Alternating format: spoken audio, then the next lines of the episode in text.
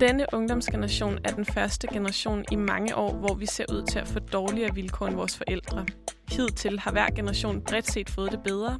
Der har været en idé om fremskridt og en tro på, at vi var på vej mod det bedre. Men klimakrise, finanskrise, pandemi og med lige så mange på flugt som ved 2. verdenskrig, har rykket ved troen på fremskridtet, særligt for os unge. Vi frygter fremtiden. Men samtidig går ungdommen på gaden i større stil end længe set.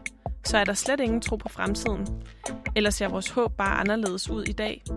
Hvad kan litteraturen sige om vores evne til at forestille os en bedre verden? De kalder det et hovedværk, både i dit eget forfatterskab og i dansk litteratur. Dem, der inspirerer mig, dem jeg tænker sammen med, dem jeg laver politik og litteratur med. So what I'm going to do is just sit here and eat my book while you guys carry on. Så fortælle om nogle af de her skæbner, så man kan mærke det. Mm. Så det ikke er for sjov. Jeg har sgu mere øh, autoritet end min forlagsdirektør og samtlige tosser på DR. Velkommen til Boblen. Mit navn er Veronika, og i det her program undersøger jeg den rolle, litteratur og kunst spiller i samfundet, og hvordan det påvirker vores selvopfattelse, vores idéer og vores drømme. Og til at hjælpe mig med det, der har jeg to litterater med, Olivia Nørgaard Nedergaard og Sofie Rikkendorf Andersen. Velkommen til jer. Tak. Tak. Og Olivia og Sofie, øh, jeg kunne godt tænke mig at spørge jer til at starte med, når I tænker på fremtiden, sådan ikke kun jeres egen fremtid, men også samfundsmæssigt øh, forestillinger om fremtiden, hvad, hvad forestiller I jer så, eller hvad forventer I jer af, af fremtiden? Olivia, vil du starte? Ja, um, hvad forventer jeg? Jeg tror, at jeg forventer da i hvert fald, at der er nogle ting, jeg ikke ser så lyst på, i hvert fald i forhold til klima for eksempel. Men samtidig så tror jeg også, at lige nu vores generation har en eller anden ja, en vilje til at gøre noget, og også sådan en lyst til at sådan bryde lidt ud, og måske gøre noget andet med sit arbejdsliv, arbejde mindre, måske sådan flytte væk fra byen og sådan noget, synes jeg også, der er lidt en bevægelse. Altså, ja, svært at sige. Lidt øh, både noget, noget lidt sådan bekymrende, ja, men også nogle positive Helt sikkert noget bekymrende, men også lidt håb, tror jeg da. Ja. ja. Hvad med dig, Sofie? Ja, øh, altså det er jo helt, som jeg er totalt i tråd med det, Olivia siger også, at at øh, sådan noget med klima og sådan noget lurer som sådan en, en sort sky øh, foran, når man tænker på, hvordan fremtiden kommer til at se ud. Men, øh, men jeg synes også, at vi er på vej i nogle spændende retninger i øjeblikket, og man kunne forestille sig, altså, at, at der er nogle generationer, der kunne, kunne gøre en, en, lave store ændringer på den måde, samfundet øh, fungerer på. Og sådan. Man har begyndt at eksperimentere i Finland med borgerløn og sådan noget. Altså, mm. der er nogle, nogle spændende ting, som måske kunne, kunne blive endnu større i fremtiden. Mm. Mm. Jeg synes også, at jeg selv pendulerer lidt mellem og, øh, at tænke, at fremtiden bliver helt vildt øh, forfærdelig og mørk og dystopisk. Øh, og så og, øh, og en gang imellem blive, øh, blive ramt af sådan lidt håb, for eksempel når der øh, er mange, der for eksempel går på gaden til klima øh, og kræver klimahandling, og man tænker sådan, okay, der er alligevel en, nogen, der i hvert fald gerne vil gøre noget ved, ved den kæmpe krise. Ja. Øhm, selvom at jeg synes også, at det kan være, være svært at tro på, at det kan lade sig gøre. Og det er noget af det, vi skal prøve at undersøge i det her program. Vi skal prøve at se på, hvordan vores forestilling om fremtiden den har ændret sig gennem tiden, og om der stadig findes en tro i litteraturen på, at verden den kan blive lavet om til det bedre. Og derfor så har du, Olivia, været ude at interviewe Iben Engelhardt Andersen, som er forsker ved Institut for Kunst og Kulturvidenskab på KU. Yes, det har jeg. Iben, hun er det, der hedder postdoc, og hun arbejder på et forskningsprojekt om utopier øhm, lige nu, så hun præsenterer lige sig selv her. Jeg hedder Iben Engelhardt Andersen, og jeg er forsker og underviser ude på øh, Institut for Kunst og Kulturvidenskab, hvor jeg har en såkaldt postdoc, som er en forskningsstilling på litteraturvidenskab. Og det har jeg under et projekt, der hedder Utopier uden fremtid, Ja, og hvad det her med øh, utopier uden fremtid, det er for noget, det dykker vi lidt mere ned i lige om lidt. Mm. For umiddelbart så er det ikke utopier, altså forestillinger om fantastiske samfund, der har fyldt i kulturen, mens vi er vokset op. øh, det er mere dystopier, ikke? Øh, og nødvendighedens politik, og det her med, at ting skal være realistiske, og samtidig at tv-serier øh, om øh, alle mulige skræmmende fremtidsscenarier, de har været, øh, været rigtig populære de seneste år. Og jeg har fundet et eksempel, som er tv-serien Black Mirror, hvis første sæson udkom i 2011, og sidenhen er der så kommet øh, fem sæsoner øh, samlet set. Og her der præsenteres man ofte for sådan en, en teknologisk udvikling eller et nybrud i teknologien, som virker ret vildt og måske også som et potentiale, men det viser sig så i løbet af, af de her afsnit at have voldsomt negative sider, øh, og det eskalerer øh, gennem afsnittet. Det kan også være sociale relationer, for eksempel måder, vi er sammen på, alle sådan nogle ting. Og vi skal lige prøve at høre et klip fra det afsnit, der hedder Hated in the Nation, som er fra sæson 3. Og noget af det, som er øh, centralt i det her afsnit, det er, at alle bier, de er uddøde. Og man har i stedet skabt robotbier som en slags erstatning. Og øh, vi prøver lige at høre, øh, høre et klip fra det øh, her.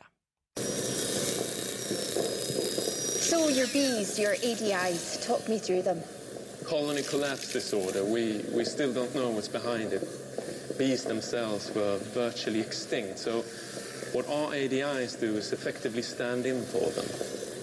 They're solar powered, they, they don't need nectar, but they pollinate flowers the same way. They, they crawl inside, pollen sticks to their legs and gets brushed off next flower they visit. Can they make honey?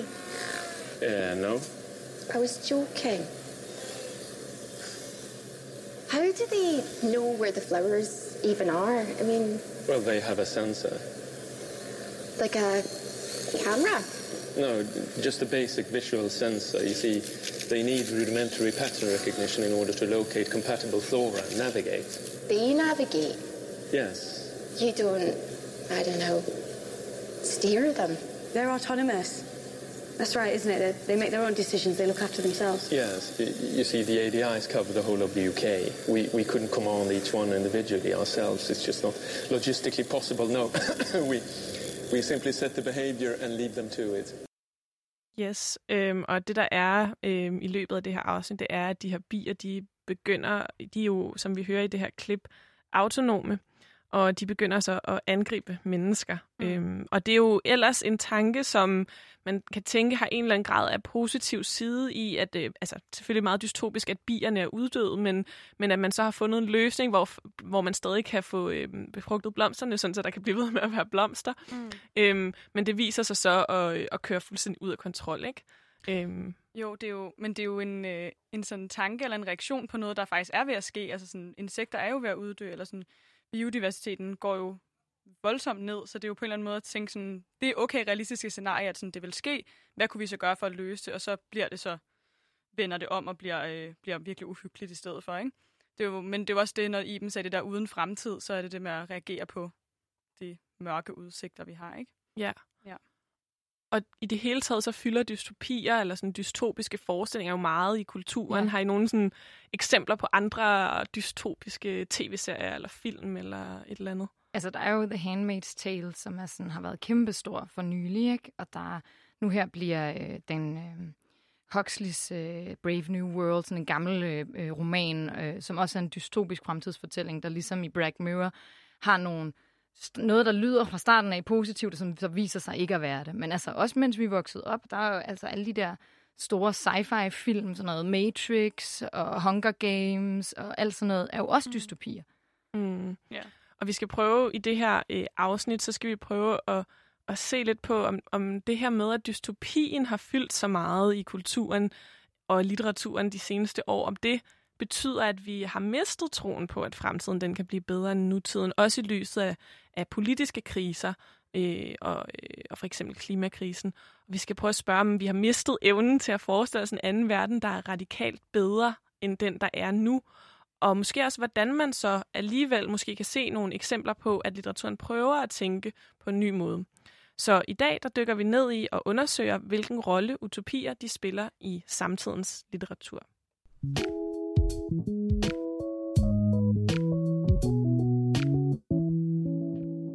Du lytter til Boblen, hvor jeg, Veronika, sammen med de to litterater, Olivia og Sofie, undersøger, hvad litteraturen kan sige om vores evne til at forestille sig en bedre verden, og om vi i lyset af de mange forskellige kriser, der dominerer samtiden, er ved at miste troen på, at verden kan blive et bedre sted.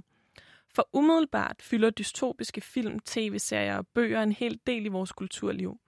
Men et nyt forskningsprojekt peger på, at det utopiske måske ikke er så langt væk, som vi tror, men at det i stedet tager nye former. Og det undersøger forskningsprojektet Utopier uden fremtid, som Olivia har talt med forsker Iben Engelhardt Andersen om. Men for at vi kan dykke ned i det her nybrud inden for forskning, eller hvad de kigger på i det her forskningsprojekt, så skal vi lige have helt styr på, hvad en utopi egentlig er for noget, og også hvordan det er blevet brugt gennem historien, både politisk, men jo især i litteraturen. Øhm. Ja, jeg skulle selvfølgelig tale med Iben om, sådan, hvad en utopi overhovedet er, og om, om det kun er noget, der bor i bøgerne, eller sådan. Og det snakker vi selvfølgelig om, at der er jo masser af politisk tænkning, der har det her utopiske om at lave øh, det perfekte drømmesamfund, og så bliver ordet jo også brugt sådan i, jeg ved ikke, om man kan sige hverdagssprog, men i hvert fald i sproget eller i den offentlige debat, hvis der er nogen, der kan man kan sige til nogen, at de er utopiske, eller det er der nogen, der siger til nogen, hvis de ligesom har urealistiske store planer for fremtiden, for eksempel. Ja, du øhm, havde et eksempel med med, øh, med Veganerpartiet, ja. som jo nu har opnået nok stemmer til at blive opstillet til næste ja. folketingsvalg. Øhm, hvor mange siger, at det er måske sympatisk nok at tænke, at vi skal spise mindre kød i mm. forbindelse med klimakrisen, mm. men det er simpelthen urealistisk ja. øh, og utopisk den Deres øh, samfundsforestilling er en utopi, ja. og det er jo også mange klimaaktivister, der får sådan skudt i skoene. Øhm, så ja, det var interessant ligesom at tale om det her ord, som, som kan betyde så mange forskellige ting, hvad det egentlig, hvad det egentlig kommer af, og det, det forklarer Iben lidt om her. Jeg beskæftiger mig primært med er jo utopien som litterær genre, øh, og den er i hvert fald navngivet i Thomas Moores værk Utopia fra øh, 1516. Man kan godt tale om, at der har været litterære utopier tidligere og tilbage hos Platons staten og alt mm. muligt. Men, men ordet utopi kommer ligesom øh, fra Thomas More. Og der ligger en dobbelthed i det ord, som ligesom stadigvæk spiller en rolle for, hvordan vi forstår utopien også. Øh, og det gør der, fordi topi betyder sted, og det u, der er foran utopi, det kan både betyde det gode og det umulige.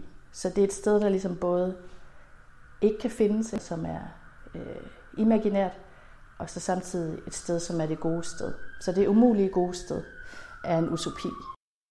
Ja, og lige før så fik jeg sagt, at øh, Veganerpartiet havde fået nok stemmer til at være opstillingsberettiget. Jeg mener selvfølgelig underskrifter. Det skal man jo lige have, inden man kan begynde at modtage stemmer. Ja, der er ikke valg, der er ikke valg endnu. nej. Øh, nej, men øh, ja, som Iben forklarede i klippet, så er det ordet har, øh, de har rødder fra græsk, men sådan optræder sådan i sin helhed første gang i den bog af Thomas More, der hedder Utopia fra 1516.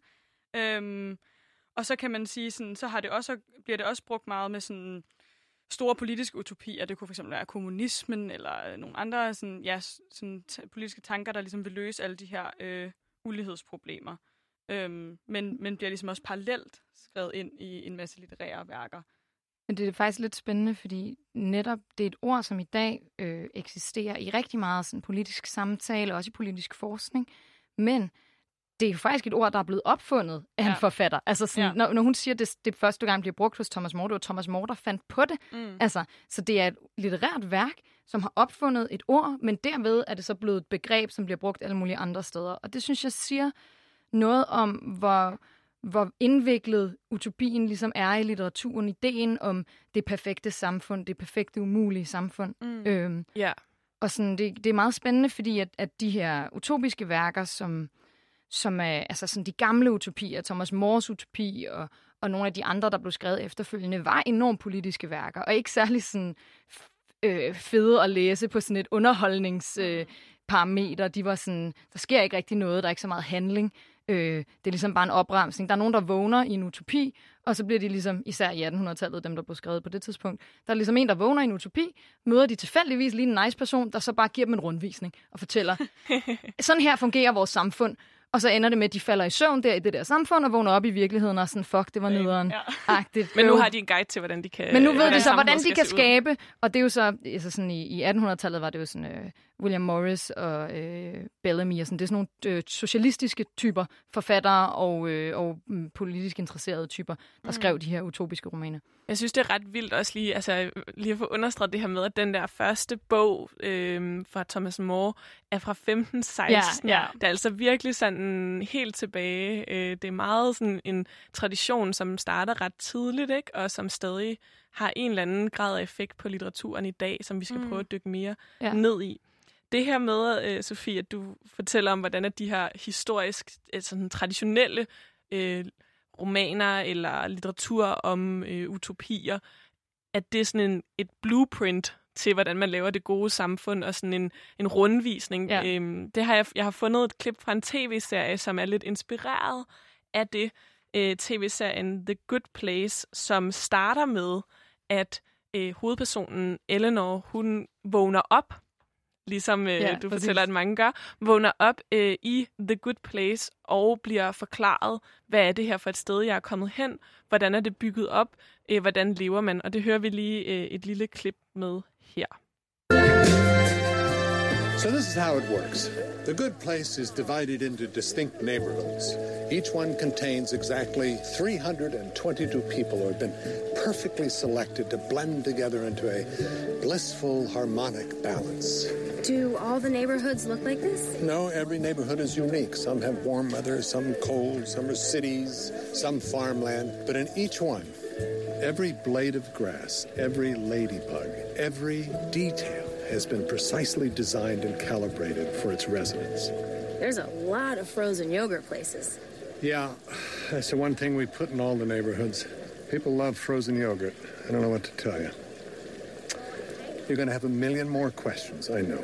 For right now, better grab a seat. The movie's about to begin. Ja, det var øh, The Good Place, begyndelsen på den tv-serie.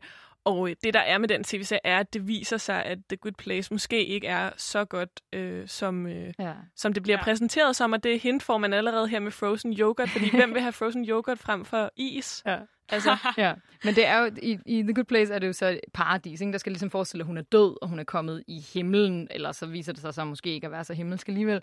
Men, øhm, men sådan mange af de her utopiske romaner har ligesom den der form af, at, at, man, øh, at, at forfatteren ligesom bare har sk- udskrevet, sådan her forestiller jeg mig, at det ultimative perfekte samfund. Så mm. det er Mm. heller ikke, der er heller ikke mulighed for særlig meget bevægelse, særlig meget konflikt, fordi alt er bare perfekt. Så Mm. konflikten er bare, at hovedpersonen på et eller andet tidspunkt desværre er nødt til at vende tilbage til sin egen tid.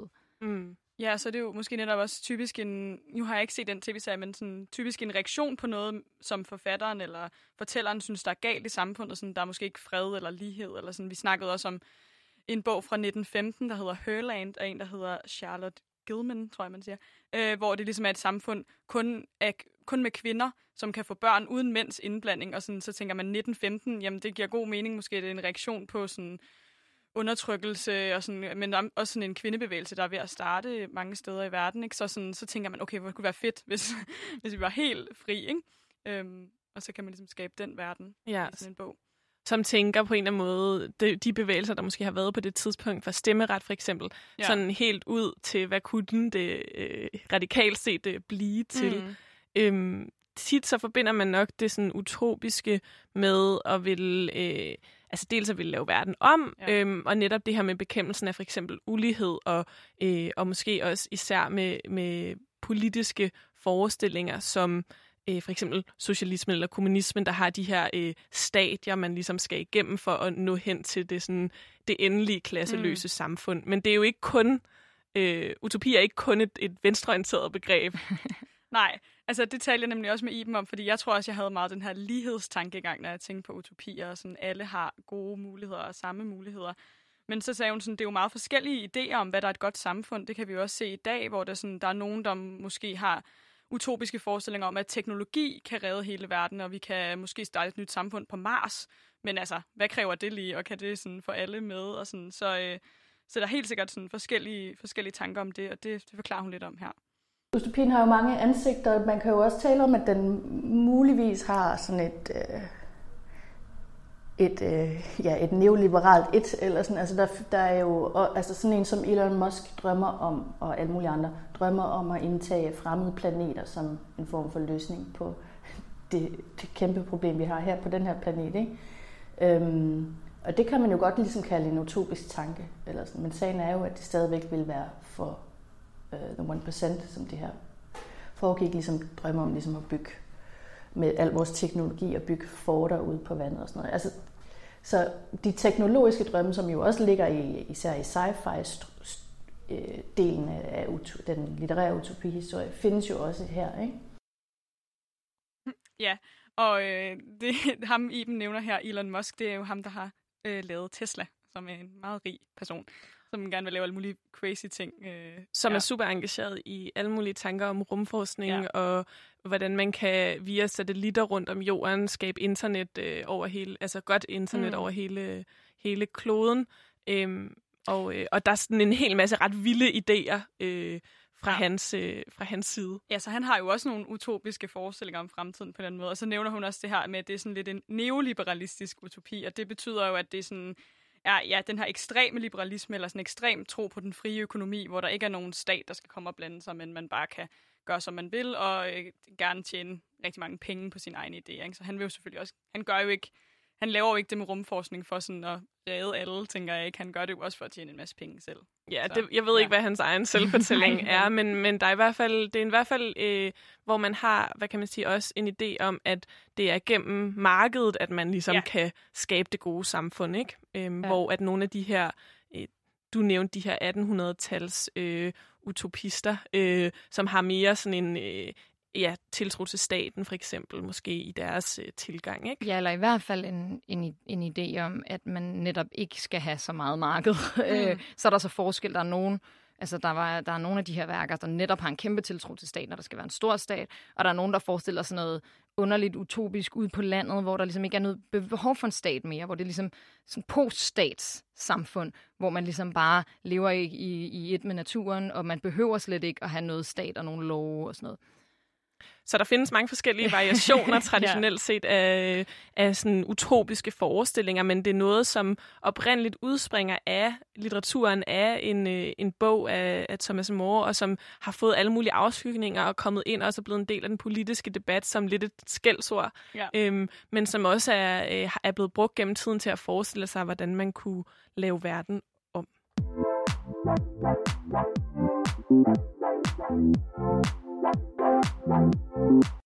Og nu skal vi prøve at kigge mere på, hvordan man så beskæftiger sig med det utopiske i litteraturen i dag. Fordi at det, som Iben Engelhardt Andersen arbejder på, det her forskningsprojekt Utopier uden fremtid, øh, det blandt andet kigger på, men i den her tid, hvor der er så mange kriser, hvor der er øh, så mange dystopiske forestillinger i kulturen, er der så ikke længere noget utopisk i litteraturen? Er der ikke nogen forestillinger om, hvordan man kunne skabe verden på en bedre måde, eller lave verden om til det bedre. Og det er noget af det, de kigger på. Det skal vi prøve at dykke lidt ned i. Hvad er det så, de kigger på og finder ud af i det her forskningsprojekt? Ja, præcis, og at utopierne måske kommer til udtryk lidt anderledes i litteraturen og kulturen i dag. Det er måske ikke helt øh, ligesom Thomas More, der sådan opridser alle elementerne af det perfekte samfund. Det er nok på en lidt anden måde, og det, det fortæller Iben om her.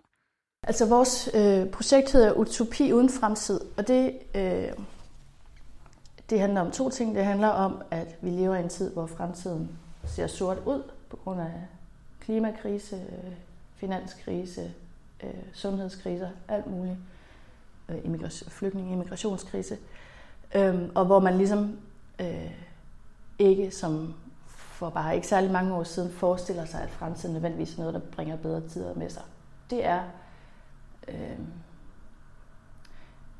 det er en ny situation, i hvert fald i forhold til de sidste 50 år. Ikke? Øhm, og en situation, der har indvirkning på, hvordan vi så forholder os til hinanden, og hvordan vi lever vores liv på.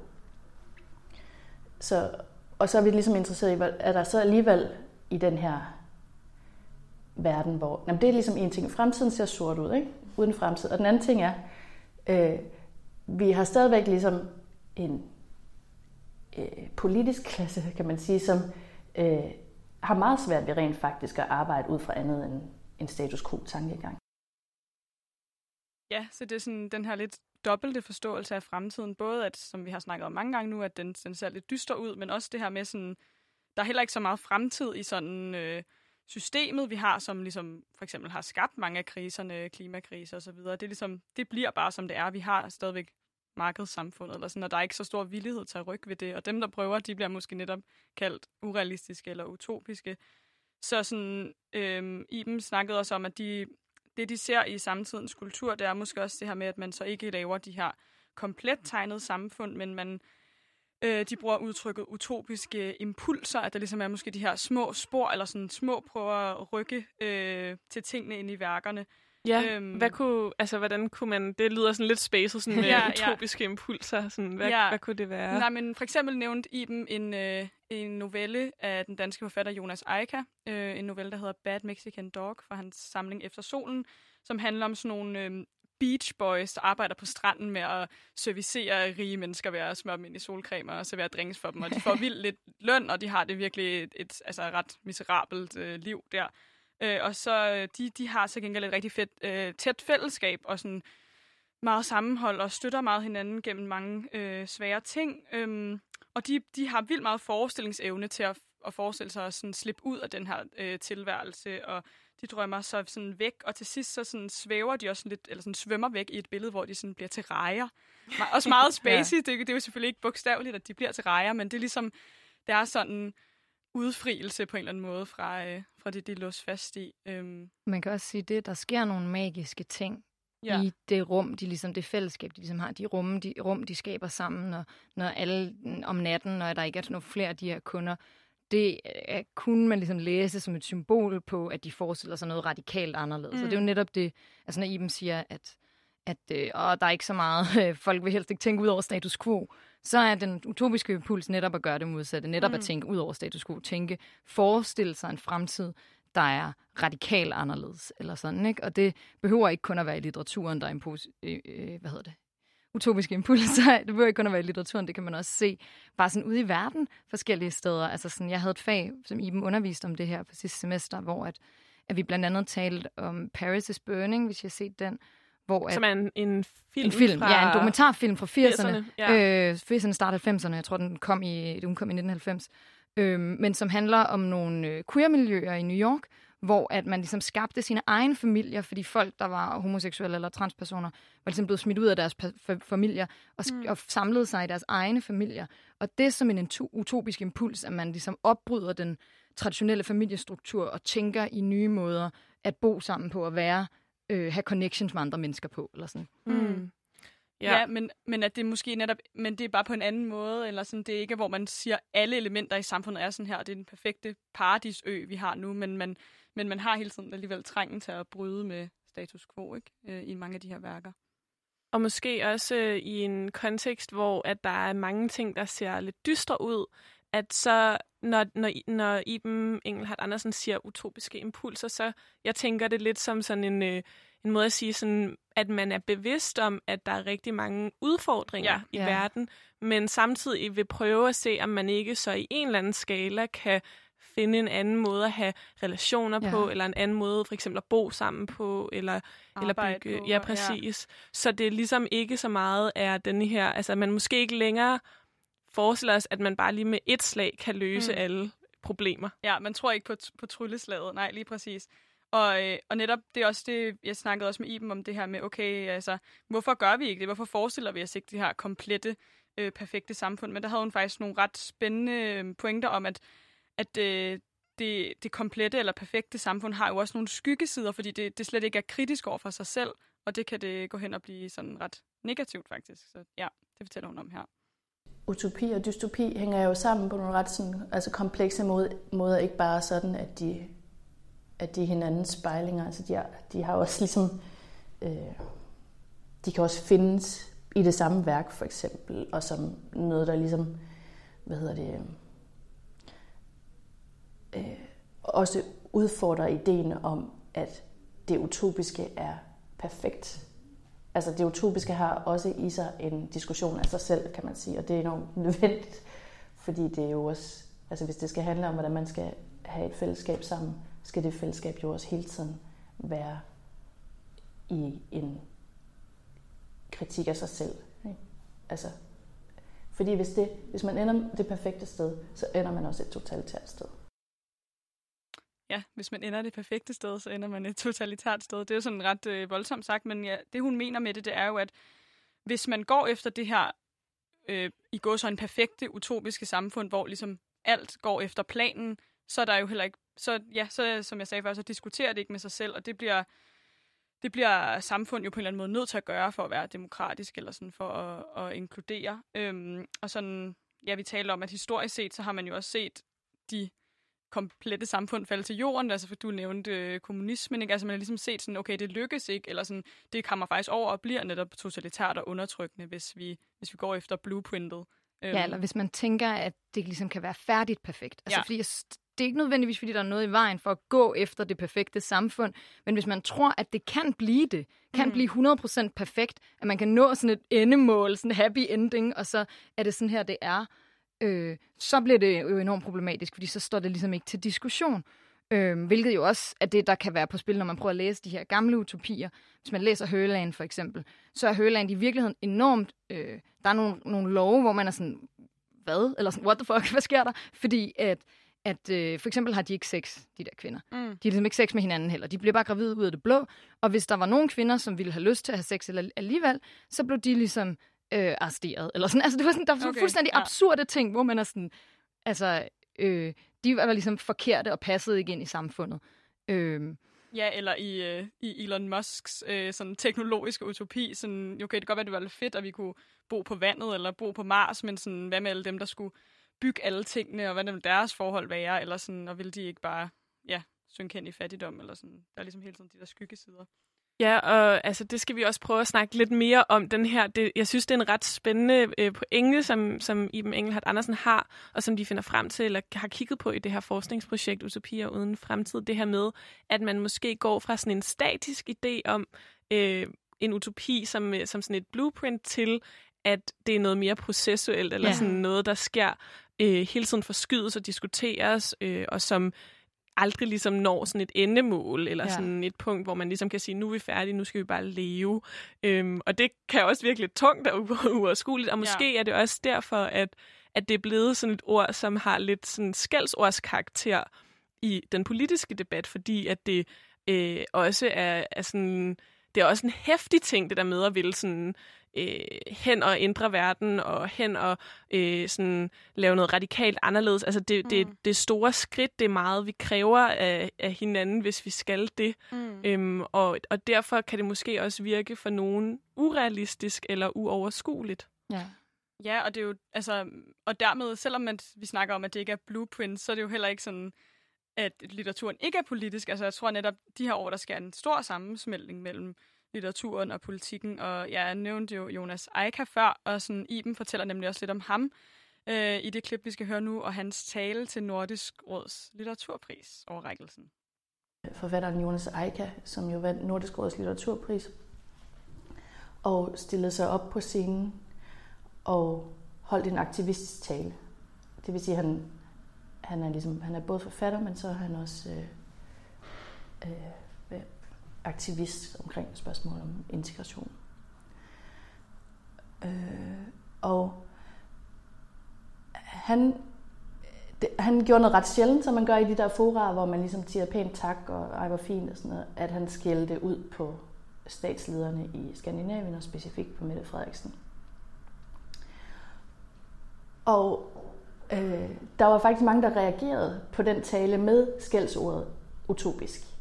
Altså i den forstand, at det ligesom var øh, luftkasteller, han kastede op, eller sådan, og urealistisk. At, altså selvfølgelig synes vi alle sammen, det kan være øh, problematisk, at øh, hvis forholdene på et udrejsecenter er, er, er kummerlige, men, men øh, nødvendighedens politik fordrer nu engang, at det ser sådan ud. Altså sådan, så hvis man overhovedet ligesom vil afskaffelsen af et udrejsecenter, så er man urealistisk, så er man utopisk. Ikke?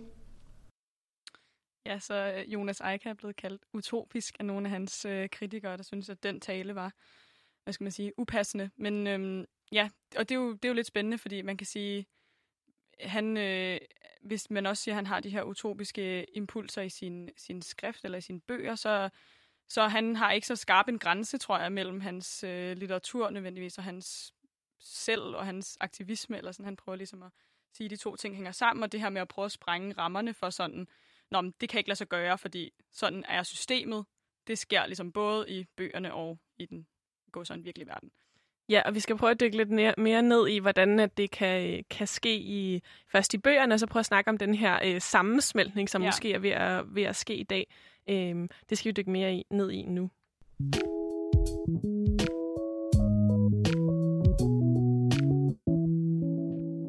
Du lytter til Boblen, hvor jeg, Veronika, sammen med de to litterater, Olivia og Sofie, undersøger, hvad litteraturen kan sige om vores evne til at forestille os en bedre verden. Og vi har lige hørt om, hvordan litteraturen den i, i dag måske har bevæget sig væk fra at skrive utopier, der fremstår som sådan perfekte endemål, altså blueprints til det gode samfund, og i stedet beskæftige sig mere med forestillinger om at forandre verden til det bedre som noget, der er en proces. Det er noget, som forsker i litteraturvidenskab Iben Engelhardt Andersen kalder den uperfekte utopi. Og Sofie, du har fundet et lidt tidligt eksempel på den her tilgang eller tendens til, hvordan man beskæftiger sig med fremtidsforestillinger i litteraturen. Ja, øhm, jeg har en bog med, der hedder The Dispossessed af Ursula K. Le Guin. Øhm, den har undertitlen An Ambiguous Utopia, så passer meget godt ind i det, vi lige har snakket om. Øhm, og den handler om øh, en, en planet, som man minder ligesom, ligesom vores, sådan jordagtig, kapitalistisk styret, og de fleste af landene, hvor der på et tidspunkt har været et anarkistisk oprør, og der, de her anarkister har så ligesom fået en måne, som ligesom de må lave deres eget samfund på. Og den hedder Anaris, i god stil med anarkisme, ikke? Anaris. Øhm, og hovedpersonen i den her øh, roman er vokset op på Anaris, og han er videnskabsmand, og han øh, føler ligesom ikke, at der er plads til, fordi der på det her samfund, som er et utopisk samfund, men som ligesom er gået i stå. Der er nemlig ikke den her bevægelse, og han, han øh, har et behov for at udveksle informationer med, med andre planeter, andre videnskabsmænd, og det her samfund er blevet sådan lidt lukket omkring sig selv. Og, øh, og i et forsøg på at øh, bryde med det, tager han så til Urs, den oprindelige planet, den kapitalistiske planet, og finder ud af, at det ligesom heller ikke er fedt, og ender med ligesom at vende tilbage til Anaris med en idé om, at selvom at der er problemer der, så vil han hellere arbejde videre i det, fordi det er meget smukkere, end det han oplever på Urs. Øh, det var sådan lynhurtigt. den er sådan lidt svær at forklare, hvad, hvad der sker i, men øh, jeg har taget et citat med, som jeg gerne vil læse op. Øh, og jeg har faktisk lige selv oversat det, fordi jeg havde den kun på engelsk. Ja, og øh, du får lige øh, lidt, øh, lidt, lidt utopisk lyd som, øh, som oplæg, og så øh, slukker jeg lige for, øh, for os andre, så vi kan høre dig øh, godt. Den kommer her.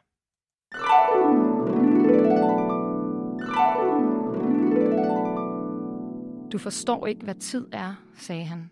Du siger, at fortiden er borte, og fremtiden ikke er virkelig. At der ikke er nogen forandring, ikke noget håb. Du tror, at Naris er en fremtid, der ikke kan opnås, ligesom din planets fortid ikke kan ændres. Og så er der intet andet end nutiden tilbage. Dette urs, den rige, ægte, stabile nutid, øjeblikket lige nu. Og du tror, at det er noget, der kan ejes. Du misunder den smule. Du tænker, det er noget, du gerne vil have. Men det er ikke virkeligt. Det er ikke stabilt. Det er ikke solidt. Det er der intet, der er. Ting forandrer sig hele tiden. Du kan ikke eje noget som helst. Mindst af alt kan du eje nutiden medmindre du accepterer fortiden og fremtiden sammen med den. Aldrig fortiden uden fremtiden, aldrig fremtiden uden fortiden. De er begge virkelige, og deres virkelighed gør nutiden virkelig. Du vil aldrig opnå eller forstå Urs, medmindre du accepterer den virkelighed, den varige virkelighed, der er Nares. Du har ret, vi er nøglen, men da, det sag, da du sagde det, troede du ikke rigtigt på det. Du tror ikke på Anares. Du tror ikke på mig, selvom jeg står sammen med dig i dette rum, i dette øjeblik. Mit folk havde ret, og jeg tog fejl. Vi kan ikke komme til jer. I vil ikke lade os gøre det. I tror ikke på forandring, på evolution. I ville ødelægge os frem for at indrømme vores virkelighed. Frem for at indrømme, at der er håb. Vi kan ikke komme til jer. Vi kan kun vente på, at I kommer til os.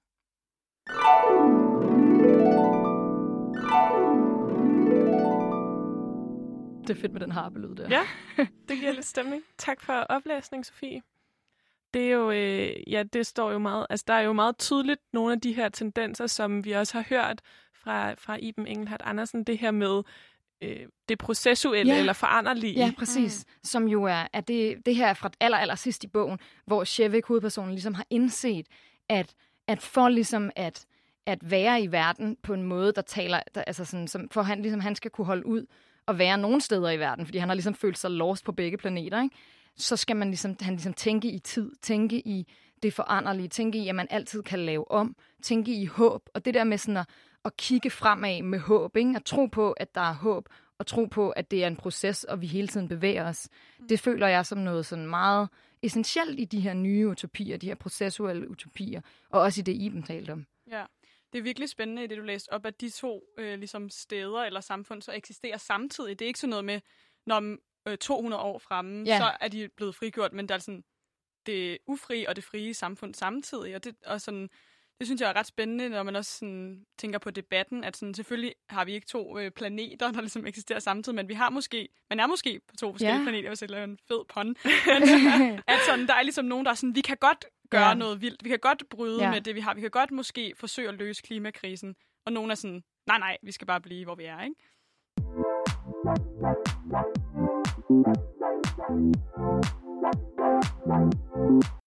Yes. Fedt. Nu har vi hørt om, hvad begrebet utopi det betyder, og hvordan det oprindeligt var bøger, der beskrev en slags blueprints til perfekte samfund, som udgør den her utopiske litteratur. Og vi har også talt lidt om, hvorfor, hvordan det i dag kan blive brugt som et skældsord, eller sådan til at underminere nogle idéer om forandring, som, som nogen måske mener virker urealistiske. Fordi hvis det bliver kaldt utopisk, så, så er det, sådan, det er en fin tanke, men det er også urealistisk. Og så har vi talt om det her med, at de mere skræmmende, sådan dystopiske fremtidsforestillinger, hvor alt ligesom går galt og bliver forfærdeligt, det har meget længe fyldt i kulturen.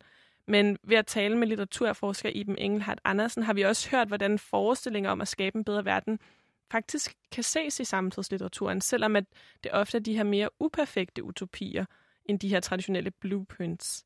Men hvis vi nu skal prøve så at samle trådene lidt og bevæge os op på den store klinge, så synes jeg, vi skal prøve at snakke lidt om det her med sådan, hvad betyder det egentlig, at altså, om litteraturen, eller om man i kulturen, har de her utopiske impulser, eller tror på, at man kan forestille sig en anden verden. Altså, øh, fordi det, litteratur og kultur har jo også en underholdningsværdi, og der tænker jeg bare, sådan noget dystopi er også noget, der kan fange en rigtig Ja. meget, og Ja. man sidder på kanten og er nervøs for, hvad der sker og sådan noget om ikke. Altså, mm, hvor vigtigt, eller hvor, hvor, hvad betyder det overhovedet, at der sker de her udviklinger? Hvad for en påvirkning har det i forhold til resten af samfundet, tænker I? Altså man kan jo sige, det er jo ikke, altså nu skal vi også passe på, dystopier er jo også enormt politiske. Dystopier er jo også værker, hvor at der er nogen, der har set en eller anden problematisk tendens i nutiden, og så siger, hvis nu, nu skal vi, jeg kan lige gøre folk opmærksomme på den her tendens ja. ved at tegne den ud og gøre den stor og se, hvis vi fortsætter i, i den her øh, bane, ligesom, så kan det blive rigtig farligt. Og så på den måde ligesom inspirere til handling, til ændring af samfundet. Men det, jeg synes, utopier gør, er ligesom at gå skridtet videre. Altså ikke bare at sige, det her er problematisk, men at sige, hvordan kunne verden være anderledes? Åbne ligesom billedet op i ens hoved, når man læser øh, The Dispossessed eller et andet sådan utopisk værk. Ikke? Så åbner man øh, vores øh, øh, blik for, at verden kunne være radikalt anderledes på en god måde. Eller sådan. Ja, og det, og det kan man jo også simpelthen sige, det kan man også gøre i en politisk tale, kan man også stille sig op og sige, at vi kan gøre alle de her ting anderledes, men jeg tror, at litteraturen eller sådan kunsten er, er et ret vigtigt sted for det, fordi det har friere rammer til at øh, jamen, bruge sine virkemidler og sådan, sin fantasi altså på en, på en god måde til at, til at beskrive øh, noget radikalt anderledes fra det, vi har. Øhm, og det snakkede jeg også med Iben om, og hun, øh, hun sagde det her med, sådan, ja, man kan godt kalde det urealistisk, men det har jo stadigvæk, det peger stadig på noget i virkeligheden, på nogle problemer, på nogle store ting, man gerne vil ændre. Så øhm, ja, det fortæller hun lidt om her. Hvad er forholdet mellem, altså øh, hvis bare vi tager en, et litterært værk, mellem at forestille sig noget radikalt andet, og så samtidig gerne vil bevæge læseren eller øh, t- til en handling, der kan føre derhen. Ikke? Altså fordi, altså man kan jo, det kan være svæ- altså hvordan kan man forestille sig det radikalt andet, og så faktisk få læser med? Altså der skal være noget identifikation og for, for ligesom øh, lyst forbundet med overhovedet ligesom at sætte sig ind i og, og, og gøre noget for at forandre tingene. Ikke? Øhm, men den her men den her dobbelthed, altså ligesom en, et, en insisteren på, at fantasien og imaginationen øh, har, har værdi, øh, og har værdi også for et politisk engagement, engagement findes i de litterære utopier. Ikke? Ja, så her så, så kobler hun jo nemlig også det her med, at sådan, utopien skal jo, eller det utopiske værk skal have en eller anden forbindelse til virkeligheden, ellers er det svært som læser at identificere sig overhovedet. Men hun kobler det også til det her med det politiske aktivisme, eller muligheden for, at det kan sådan, så at sige, vække nogen lidt op og, øh, til sådan at og måske lave noget handling. Jeg synes, Øhm, øh, undskyld, jeg ja. synes bare, hun siger det på en helt vildt fin måde, det der med at bevæge folk Ja. til at forestille sig noget radikalt anderledes. Det synes jeg bare var enormt smukt. Ja, og at bevæge jo også kan være netop, med, altså, Ja. ikke at man sådan løber ud og Ja. går til demo. Det er det kan ligesom det også være. dobbelttydigt på den måde, ikke? Ja, men man bliver også rørt, eller følelsesmæssigt påvirket. Ja. Mm. Og det er måske også der, hvor man kan sige, nu nævnte du med politiske taler, Olivia, og når politiske taler bliver, bliver ro, så er det jo også tit, fordi de trækker på nogle af de der virkemidler, man normalt ser i litteraturen, ja. og vækker nogle følelser og Præcis. nogle sådan for ja. folk i en eller anden grad. Så der er jo også i, i ja. den forbindelse et samspil mellem forestillingen, man har i litteraturen, og så de der konkrete politiske mål. Ikke? Når det bliver forbundet, er det tit, at, at det er tit det, de store taler, ligesom, som man fremhæver som, som altså, Martin Luther King, I have a dream, ikke? Mm, altså sådan, ja. som, ja, en drøm. Altså. Som ja, ja. lige præcis har den der sådan, peger fremad og trækker på at bevæge folk med, ikke? Og, og mm. forbinder det der lidt utopiske, men med noget konkret. Den har ligesom historiefortælling, ikke? Sådan den nærmest litterære historiefortælling, og det er jo der, hvor jeg synes, at ej, nu bliver det klart, hvad det er, litteraturvidenskab kan, hvad det er, mit fag kan. Jeg bliver så glad, ikke? Fordi at det er der, hvor at litteraturen og kulturprodukter, film og tv-serier og sådan noget, ligesom kan gøre en kæmpe forskel for virkeligheden, fordi de kan bevæge folk til handling eller sådan, ikke? Og det synes jeg bare er, gør, gør det, vi laver lige nu, mega meningsfuldt. Mm. Jeg mm. tænker også på, altså, at man, nu nævnte jeg i starten det her med alle de her forskellige kriser, ikke? Og hvordan at man så ser rigtig meget kultur, som handler om, om at udskrive, ligesom, hvor galt det kan gå. Ja. Og det har selvfølgelig i sig selv en pointe i, at man kan sige, nu må vi godt nok lige gøre noget ved virkeligheden, fordi det skal bare ikke ende der. Men det kan også være rigtig handlingslammende. Det har jeg i hvert fald ja. mærket, at man kan blive helt modløs og tænke, ja. Mm, hvordan skal vi nogensinde løse klimakrisen? Ja. Altså, hvordan skal vi nogensinde komme i mål? Ikke? Og der har den utopiske litteratur, eller de grene, har måske et andet potentiale, eller kan måske vække en eller anden øh, motivation for så at sige, okay, vi må kunne forestille os noget andet, og så kan det godt være, at det andet lige nu er så urealistisk at opnå, at vi nærmest ikke kan forestille os, men vi må begynde at prøve, ja. fordi så bliver det nemmere at komme med politiske mål og krav, når, når først vi har fået en eller anden fornemmelse af, hvad vi godt kunne tænke os at lave om ikke, på den store klinge. Når ja. først vi har fået håb. ja, det, det er nemlig håb, at det, det er ret svært at, at arbejde for noget, hvis man ikke har noget som helst håb eller ja. tro på det. Ja. Øh, og det betyder jo ikke, at man skal være naiv. Øh, men øh, der er netop et, sådan, ja, et vigtigt skæld der. Men håb så... er bare sådan, det synes jeg ligesom er det centrale af det hele. Ikke? Det er det, der samler sådan, ja. sådan ideen om utopien, det er at, at se udad med håb, eller sådan, det er sådan set, der er noget med det. Og det spurgte jeg nemlig også i dem om, om det giver mening at have det her håb, når, når det er lidt sådan fremtidsløst, eller når det hele ser ret sort ud. Der er jo masser af, altså der er jo masser af, ligesom, altså nogle negativitetsfilosofer og alt muligt, der siger, jamen, så må vi bare altså, go to hell. Mm. Det synes, det siger utopien jo ikke. Den siger, der skal også, altså, vi må også finde de steder, hvor der er håb, og hvor håbet kan føre til et arbejde for det bedre. Ikke? Og håbet skal her, ikke her forstås som sådan et,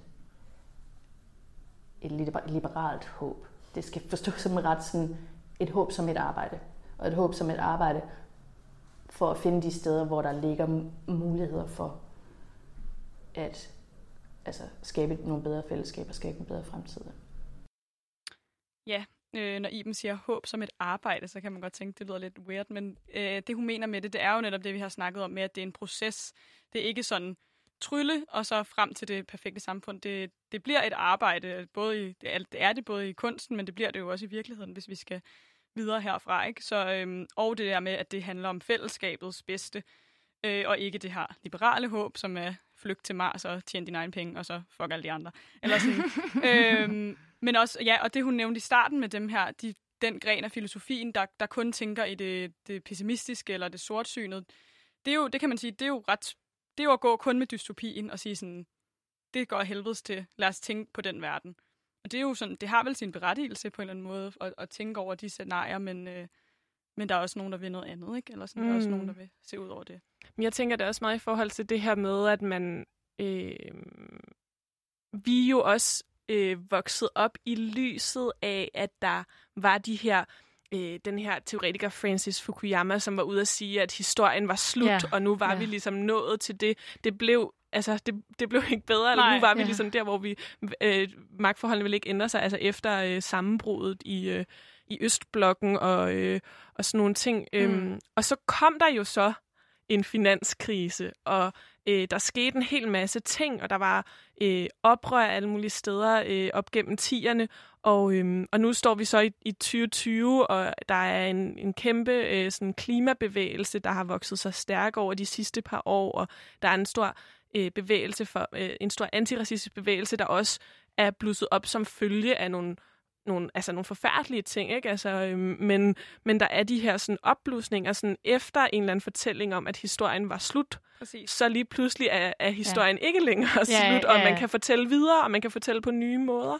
Ja. Og det er måske også Måske er det også, fordi der er sket nogle, nogle ændringer igen i, at, at man også godt måske lidt mere må tænke noget nyt Ja. efter en tid, hvor man ikke fik lov til måske, eller hvor, hvor fortællingen var, at man ikke længere skulle tænke nyt. Ja. Ja, der er i hvert fald, det ser ud til, at der er mange, der ikke rigtig vil finde sig i det her med at, øh, at blive i status quo, altså sådan, som vi måske lidt er, som, altså, er vokset op med, at, at vi skal Ja. blive i status quo, ja. fordi det er det bedste. Det er der som om, det sker en bevægelse nu, at sådan, nej for helvede, det er overhovedet ikke det bedste. Ja, ja, og der er nemlig noget utopisk i det, ikke? i Ja. den handling at sige, jeg vil ikke finde mig i den måde, verden er på. Jeg forestiller mig godt, at det kan være anderledes. Præcis. Mm. Nu er vi ved at være nået til vejs ende i programmet, og vi har jo både været omkring utopi som begreb, og de her traditionelle utopiske bøger, blueprints til det gode samfund, øh, fået nogle ret spændende anbefalinger til nogle bøger, som altså for eksempel den her Thomas More, som er den, der introducerer utopibegrebet, som er helt tilbage fra 1516, men også den her, øh, hvad, hvad hed den? Herland. Herland, som handler om et samfund kun øh, bestående af, af kvinder, der selv kan få børn uden mænd, som er fra 1915. Ja. Præcis. Og, øh, og så har vi talt om, hvordan at i dag er der måske nogle lidt andre sådan utopiske impulser, kalder Iben Engelhardt Andersen, som er forsker ved Københavns Universitet. Det.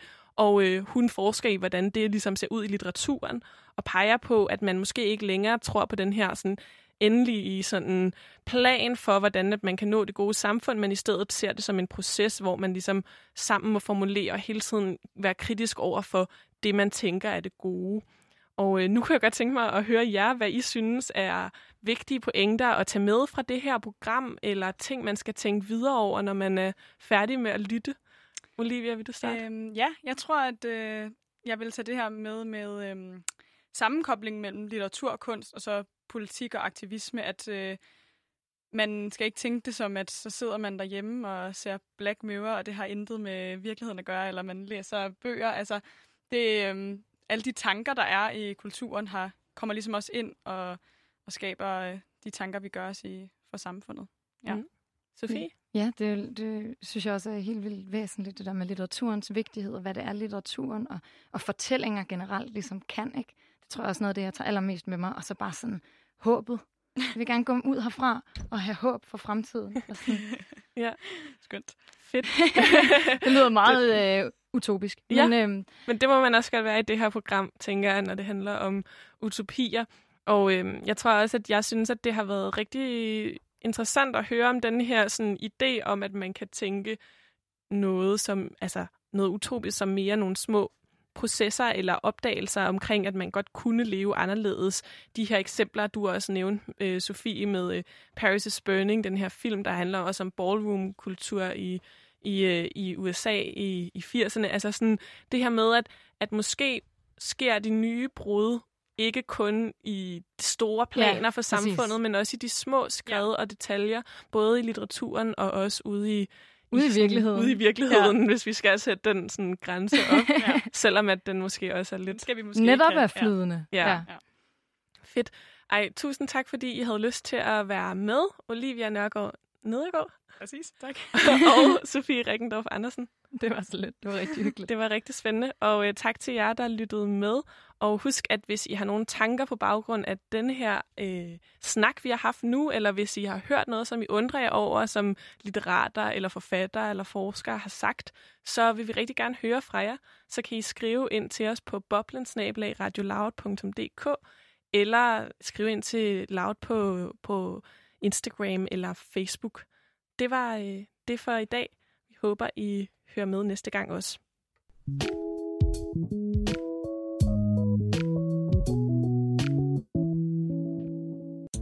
Du lyttede til Boblen. Programmet er produceret af Danske Studerendes Fællesråd. Programmets værter var Olivia Nørgaard Nedergaard, Sofie Rikkendorf Andersen og Veronika Arnsbøl Schulz.